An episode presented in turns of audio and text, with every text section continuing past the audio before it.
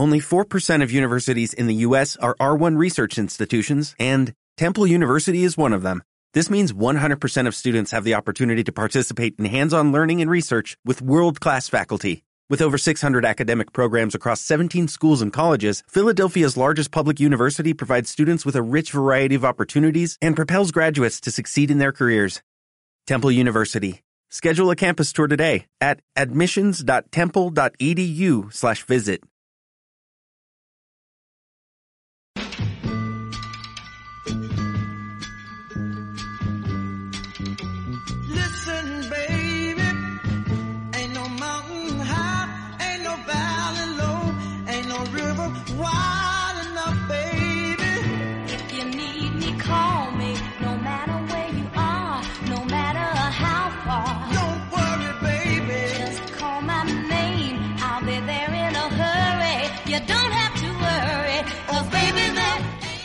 Benvinguts i benvingudes una setmana més al programa Càmera i Acció, el vostre programa sobre curiositats del món del cine i les sèries, de Canal Ràdio i de la xarxa d'emissores municipals valencianes.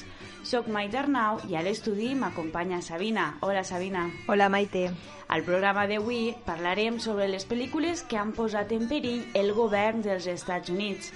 Però abans repassarem les estrenes d'aquesta setmana. Comencem. Mountain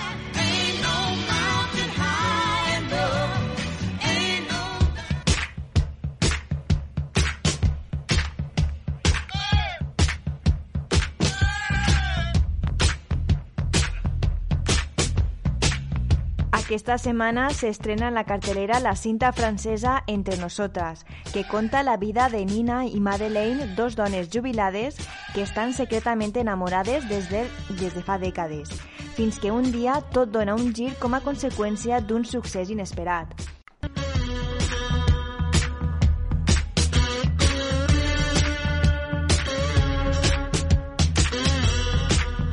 També trobem la pel·lícula canadenca 14 dies, 12 noches, en el que l'adolescent filla adoptada Isabel mor en un tràgic accident. Un any després, Isabel torna a l'orfanat vietnamita amb l'esperança de tornar a connectar-se emocionalment amb la seva filla. I per últim, l'Argentina Yo Niña, en el que una parella es muda a la Patagònia, escapant de les imposicions de la societat capitalista moderna. En la plataforma Netflix s'estrena I Care A Lot amb Rosamund Pike i Peter Dinklage. Marla Grayson no té escrúpols i després d'haver estafat a dotzenes de majors troben a la següent víctima, però no és tal com se la imaginen. I també s'estrena la sèrie alemana Tribus d'Europa. En 2074, tres germans lluiten per canviar el destí d'Europa, governada ara per diferents tribus des de que una catàstrofe global fracturarà el continent en innumerables microestats enfrontats entre si. I acabem en la plataforma Movistar Plus, que destaquem la pel·lícula espanyola Superagente McKay, un agent de policia que li agrada el seu treball en el barri de Carabanchel i amb un sentit de la responsabilitat i l'honor desmesurat. També destaquem la sèrie espanyola Hierro, que estrena nova temporada protagonitzada per Candela Peña. I acabem amb la cinta britànica Emma, amb Anya Taylor-Joy com a protagonista, i és una nova adaptació de la novel·la de Jane Austen. La jove Emma Woodhouse és una reina sense rival en el seu xicotet poble. I ara sí, anem a parlar sobre les pel·lícules que han posat en perill l'estabilitat del govern dels Estats Units.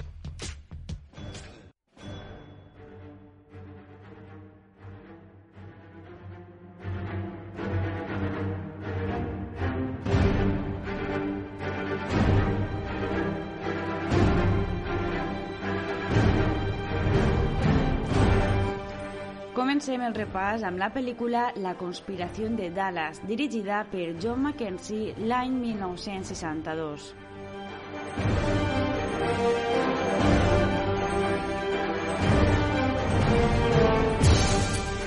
La pel·lícula tracta sobre l'assassinat del president John Fitzgerald Kennedy. Es centra en Lee Harvey Oswald i sobretot en el seu assassí, un jueu de Chicago propietari de dos clubs nocturns. Segons algunes teories, Ruby va ser el braç executor de la màfia, encara que ell sempre ha dit que va actuar a soles. Va ser condemnat a mort, però després la pena va ser perdonada. Entre els actors destaquem a Danny Aiello, Cyril Finn, Arliss Howard o Toby Bell, entre d'altres. El director britànic John Mackenzie recolza la tesis de l'existència d'una conspiració per acabar amb la vida del president dels Estats Units. Així, els espectadors són testigs d'una xarxa d'interessos tan mafiosos com dels funcionaris de la CIA que resultarien beneficiosos de la desaparició de John Kennedy. El director és especialista en esta classe de pel·lícules. Entre les més conegudes trobem les pel·lícules Juego Sucio, El valor de la verdad o Agente Doble.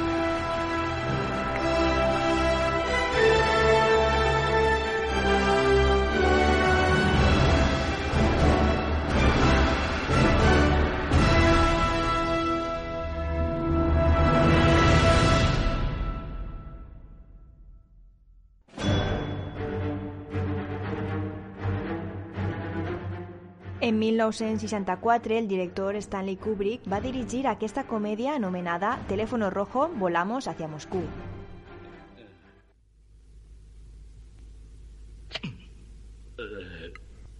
Raíz cuadrada de pi elevado a menos cero. Ah, ah, La cosa está clara. Posiblemente 100 años. Resumiendo, ¿podríamos permanecer allí durante 100 años? Nada más fácil, my. La ciencia no falla. Usted perdone, señor presidente. Los reactores nucleares proporcionarían energía indefinidamente. La vida vegetal subsistiría en invernaderos. Tendríamos animales gracias a la inseminación artificial.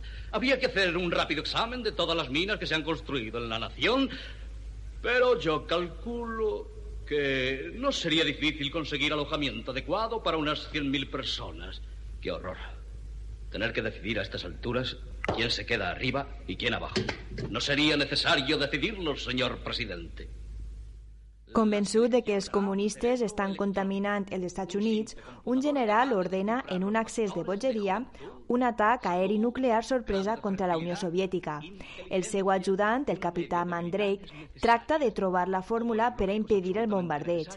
Per la seva part, el president dels Estats Units es posa en contacte amb Moscou per a convèncer al govern soviètic de que l'atac només ha sigut una errada. Mentrestant, l'assessor del president, un antic científic nazi, confirma l'existència de la màquina del judici final, un dispositiu de represàlia soviètic que vol acabar amb la humanitat per a sempre. L'estrella de la pel·lícula és Peter Sellers, qui va interpretar a tres personatges, el capità d'aviació de la Royal Air Force, Lionel Mandrake, el president dels Estats Units, Merkin Maffei, i el doctor Strange Love, l'assessor ex-nazi del president.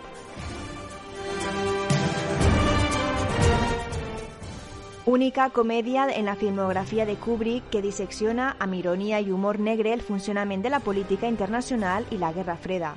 Encara que es basa en una novel·la de Peter George que tenia un to d'intriga, Kubrick la va convertir en una sàtira amb humor negre. Amb la seva visió fatalista de la vida i obsessionada per les coincidències i les casualitats negatives, Kubrick mostra com una sèrie de malifetes podrien acabar amb la vida en la Terra. En 1989, la pel·lícula va ser considerada cultural, històrica i estèticament significativa per la Biblioteca del Congrés dels Estats Units.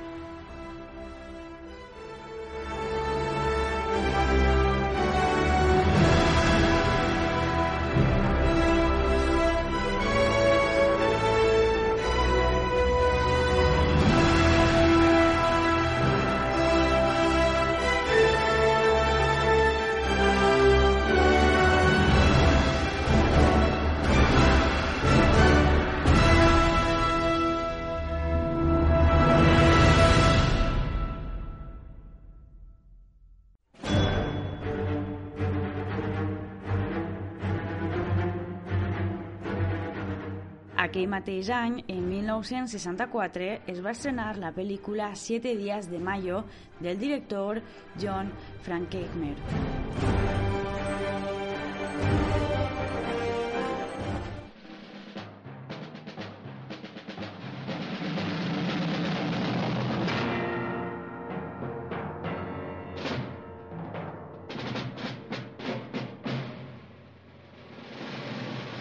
Suggesting, Mr. President, there's a military plot to take over the government.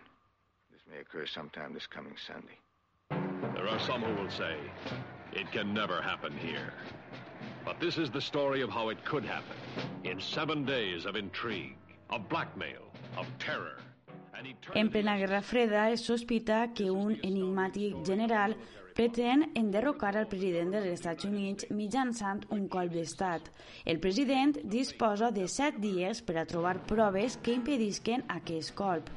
En aquesta pel·lícula d'espionatge podem trobar a Kirk Douglas, Ava Gardner i Bart Lancaster, entre d'altres. La pel·lícula es basa en la novel·la homònima de Fletcher Neville i Charles W. Bailey. Encara que la pel·lícula va ser candidata a dos premis Oscars, només va guanyar un Globo de Oro al millor actor secundari.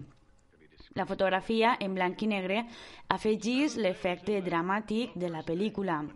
Neville, un dels coautors, va afirmar que la trama se li va ocórrer després d'entrevistar a l'antic cap de les forces aèries dels Estats Units, el general Curtis LeMay, que havia acusat al president John Kennedy de covardia per conforme va actuar davant la invasió de la veïna dels Cochinos.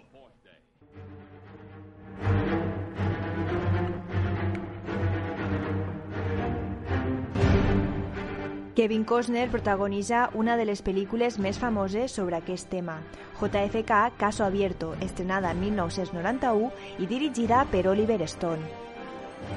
El presidente puede ser asesinado en circunstancias tremendamente sospechosas mientras la maquinaria legal ni siquiera se inmuta.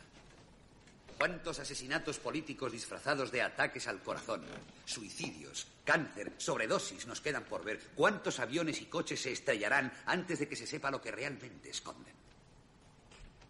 La traición no prospera, escribió un poeta inglés. ¿Y por qué? Porque si prospera nadie se atreve a llamarlo traición. El pueblo americano no ha visto aún la película Sapruder. ¿Por qué? El pueblo americano aún no ha visto los verdaderos rayos X o las fotografías de la autopsia. ¿Por qué? Existen cientos de documentos que ayudarían a probar que hubo una conspiración. Entonces, ¿por qué lo retiene o quema el gobierno? Cada vez que mi oficina o ustedes, el pueblo, han hecho estas preguntas o han exigido pruebas, la respuesta de allá arriba siempre ha sido seguridad nacional. ¿Qué clase de seguridad nacional es esa si pueden quitarnos a nuestros líderes? ¿Qué clase de seguridad nacional permite que se arrebate el poder de las manos del pueblo americano y legaliza la ascendencia de un gobierno invisible en los Estados Unidos? Ese tipo de seguridad nacional, señores, cuando huele, se mueve y actúa así, es algo que se llama fascismo. Denuncio que lo ocurrido el 22 de noviembre de 1963 fue un golpe de... El fiscal de Nova Orleans, Jim Ga- Garrison, va reobrir el cas de l'assassinat del president dels Estats Units, JFK, i va presentar càrrecs contra algunes persones. Després d'entrevistar a nombrosos testics de Dallas i a persones relacionades amb els fets, va mantindre la tesi de que la, el magnicidi va ser fruit d'una conspiració en la que podrien haver intervingut agents de l'FBI, la CIA i el propi vicepresident Johnson. La pel·lícula va guanyar dos premis Oscar a la millor fotografia i al millor muntatge. A Kevin Costner l'acompanya Tommy Lee Jones, Gary Oldman, Joe Pesci, Kevin Bacon o Jack Lemmon, entre altres. La pel·lícula va tindre controvèrsia abans d'acabar la filmació, després de que el corresponsal de Seguretat Nacional de The Washington Post es va presentar en el set. Va escriure un article demoledor de la pel·lícula basant-se en el primer borrador del guió. Després de l'estrena de la pel·lícula, molts importants periòdics van escriure uns articles criticant al director Stone de prendre's llibertats amb fets històrics. Després d'una lenta incursió en taquilla, la cinta va agarrar presència i va aconseguir 205 milions de dòlars a nivell mundial.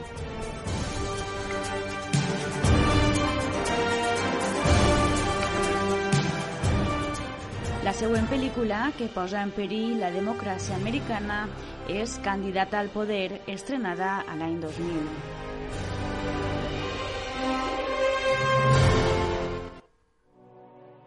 War is the natural extension of politics. Now, in this war, there, there will be casualties. So help me God. Not among. Ladies and gentlemen, I present to you Vice President designate Lane Hansen. The president today has nominated Senator Lane Hansen to fill the vacancy left by the death of the vice president almost three weeks ago. Després de la mort del seu vicepresident, el president Jackson Evans tria una dona, la senadora Lane Hanson, per al càrrec. Però alguns s'oposen a aquesta elecció i tacaran la reputació de la dona. La seva capacitat i el seu caràcter són qüestionats quan eixen a la llum la seva convencional vida sexual quan estava a la universitat. Interrogada sobre l'assumpte i sobre la seva promiscuitat, ella es nega a respondre no està disposada a donar explicacions ni al Congrés, ni als seus rivals, ni a la seva família, ni al president. You were involved in trading favors with several partners. Candidata al poder està protagonitzada per Joan Allen, Gary Oldman, Jeff Bridges, Christian Slater i Sam Elliott, entre d'altres. La cinta va estar nominada als Premis Oscars a millor actriu per a Joan Allen i al millor actor secundari per a Jeff Bridges. No. He's got the world thinking you're something out of a bad soap opera. You understand that you are under oath. Yes.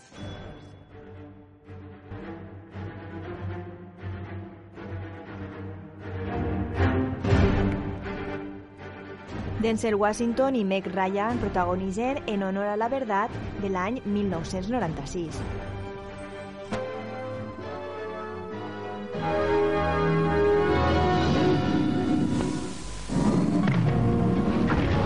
Patela, localíceme un blanco. Creo que tengo uno, señor. ¡Fuego! Patela, ¿ese tanque era nuestro? Un hombre que se cuestiona su propio comportamiento. Perder un hombre como tu amigo Boiler. Sé lo que es eso. Tiene ahora que probar el valor de otro. La Casa Blanca sabe que estudiamos conceder la medalla de honor a un piloto de helicóptero que salvó a un puñado de chicos de un Black Hawk abatido y lo quiere para el Día de los Veteranos. Sí, señor. Es una mujer. Es la capitán Karen Walden. Se trata de la primera mujer de la historia en ser propuesta para una medalla al honor en combate. No sé si fue la capitán Walden, señor, pero ese kiwi nos salvó la vida. ¡Mayday, mayday! ¿Qué fue lo que pasó? Usted no quiere saberlo. Sí que quiero. Lo que ocurrió aquella noche es lo importante. Nos quedaremos con Raidy. Yo nunca arriesgaría vuestra vida y no arriesgaré la suya. Ella salvó la vida a esos chicos del Black Hawk. La capitán estaba muy mal herida. En su búsqueda de respuestas, la única sensación más intensa que los hechos que puede descubrir No nos rendiremos. es la certeza de que no puede escapar. Mi misión es completar la investigación. Y eso es lo que haré.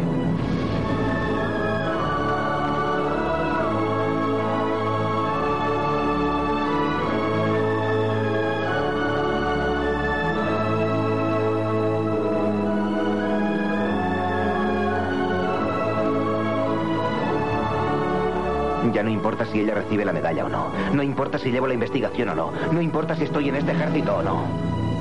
Descubriré la verdad, se lo garantizo. Guerra d'Iraq. Després de destruir accidentalment un dels seus propis tancs, el tinent coronel Nathan Serlik torna a casa. L'exèrcit oculta l'incident i assigna a Serling la missió d'investigar a la capitana Karen Walden, una pilot d'helicòpter que a títol pòstum està a punt de convertir-se en la primera dona heroïna de guerra que rep la medalla a l'honor per una acció de combat. Aquesta cinta, dirigida per Edward Thicke, va ser la primera que va tractar el tema sobre la guerra del Golf. Junt a Ryan i Washington els acompanya Lou Diamond Phillips i Matt Damon. Denzel Washington va estar nominat al millor actor en l'Associació de Crítics de Chicago.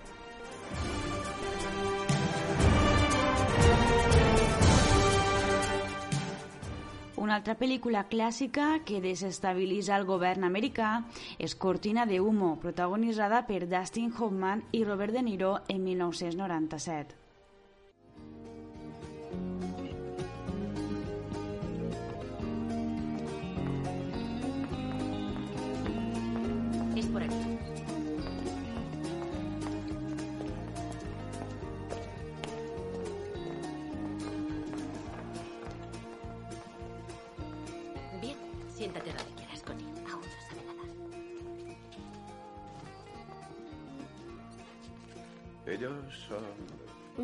Su ayudante, y Emmy Kane, del gabinete de prensa.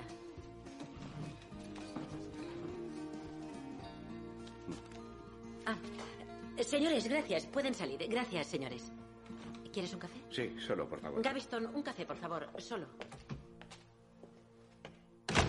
Veamos. Esto es para los que estáis aquí. Lo que oigáis, lo que digáis y lo que hagáis si sale a la luz es que vosotros lo habéis filtrado. Diles para qué he venido. Cuando saltó la noticia, el presidente me dijo, búscame a Conrad Brink. Y ahora al asunto. Hace años tuvo como niñera a una inmigrante ilegal. Bueno, ¿y qué? ¿Vais por delante en los sondeos? No tenéis que poneros nerviosos. Por lo visto le ha tirado los tejos a una chica. ¿Cuánto hace de eso? Hace un mes nos visitó un grupo de jóvenes becarias de la universidad. Una chica se interesó por el busto de Frederick Remington. El presidente se la llevó al despacho Oval. Estuvieron solos unos... Tres minutos, no fueron más de tres minutos. El servicio secreto lo confirmó. Entonces el problema no es la niñera. No. Bien, ¿y qué ha declarado esa chica? Uf, vaya, menuda bomba. Estamos seguros de que... Podríamos decir que fue una reacción a causa de un medicamento para la gripe. Després de ser pillat en una situació escandalosa, uns dies abans de la seva reelecció, el president dels Estats Units decidís inventar-se un conflicte que desvia l'atenció de la premsa del seu afer. Un dels seus consellers es posa en contacte amb un productor de Hollywood per a crear una cortina de fum, una guerra en Albània a la que el president puga posar fi heroicament davant les càmeres de televisió. Pues gánate el sueldo. Está enfermo, una avería. ¿Cuándo le hacemos volver? Necesito un día, por lo menos uno. Está enfermo. Cortina de humo està basada en la novel·la titulada Héroe americano de Larry Beinhardt. La cinta parla en clau d'humor el cinisme de la política exterior nord-americana. Cortina de humo està dirigida per Barry Levinson i escrita per Hilary Henkin i el prestigiós dramaturg David Mamet. En la cinta destaquen també Anne X, Willie Nelson i Dennis Leary, entre d'altres. La pel·lícula va estar nominada a dos premis Oscars a millor actor per a Dustin Hoffman i al millor guió adaptat.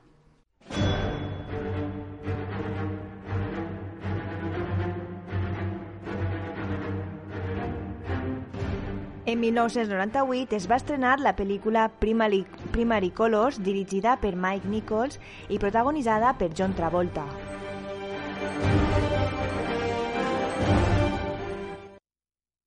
I've never helped run a presidential campaign before. Neither have we.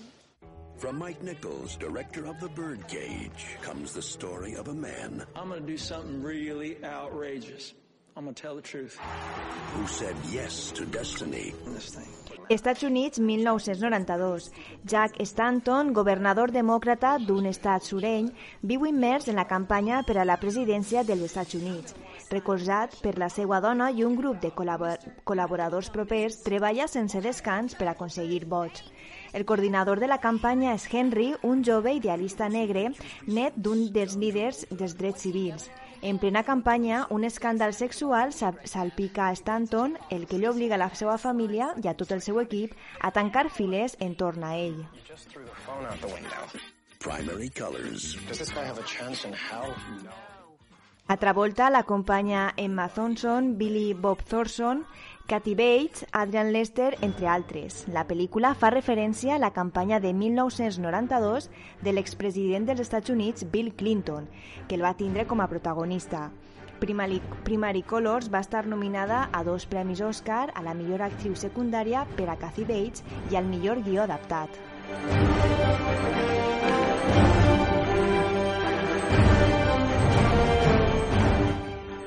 1997, Clint Eastwood va dirigir i protagonitzar Poder Absoluto.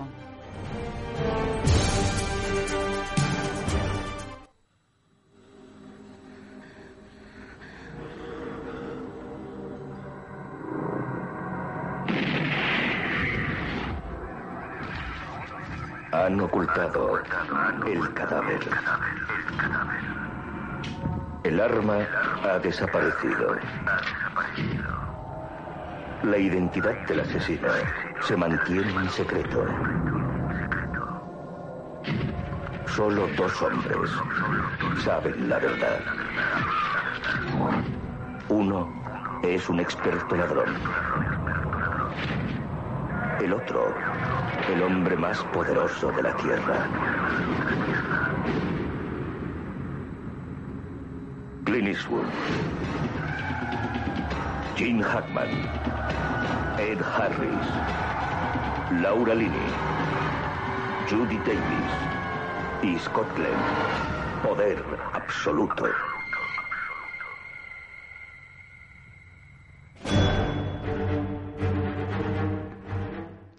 Luther Whitney, un especialista en grans robatoris, planeja saquejar la mansió d'un milionari que es troba de vacances en el Carib. No obstant, una vegada dins de la casa és testic involuntari d'un assassinat que involucra al president dels Estats Units, al seu cap de gabinet i altres dos agents del servici secret. Però a qui pot recurrir un criminal per acusar d'assassinat algú relacionat amb la Casa Blanca? Poder Absoluto es va estrenar al Festival de Cannes fora de concurs.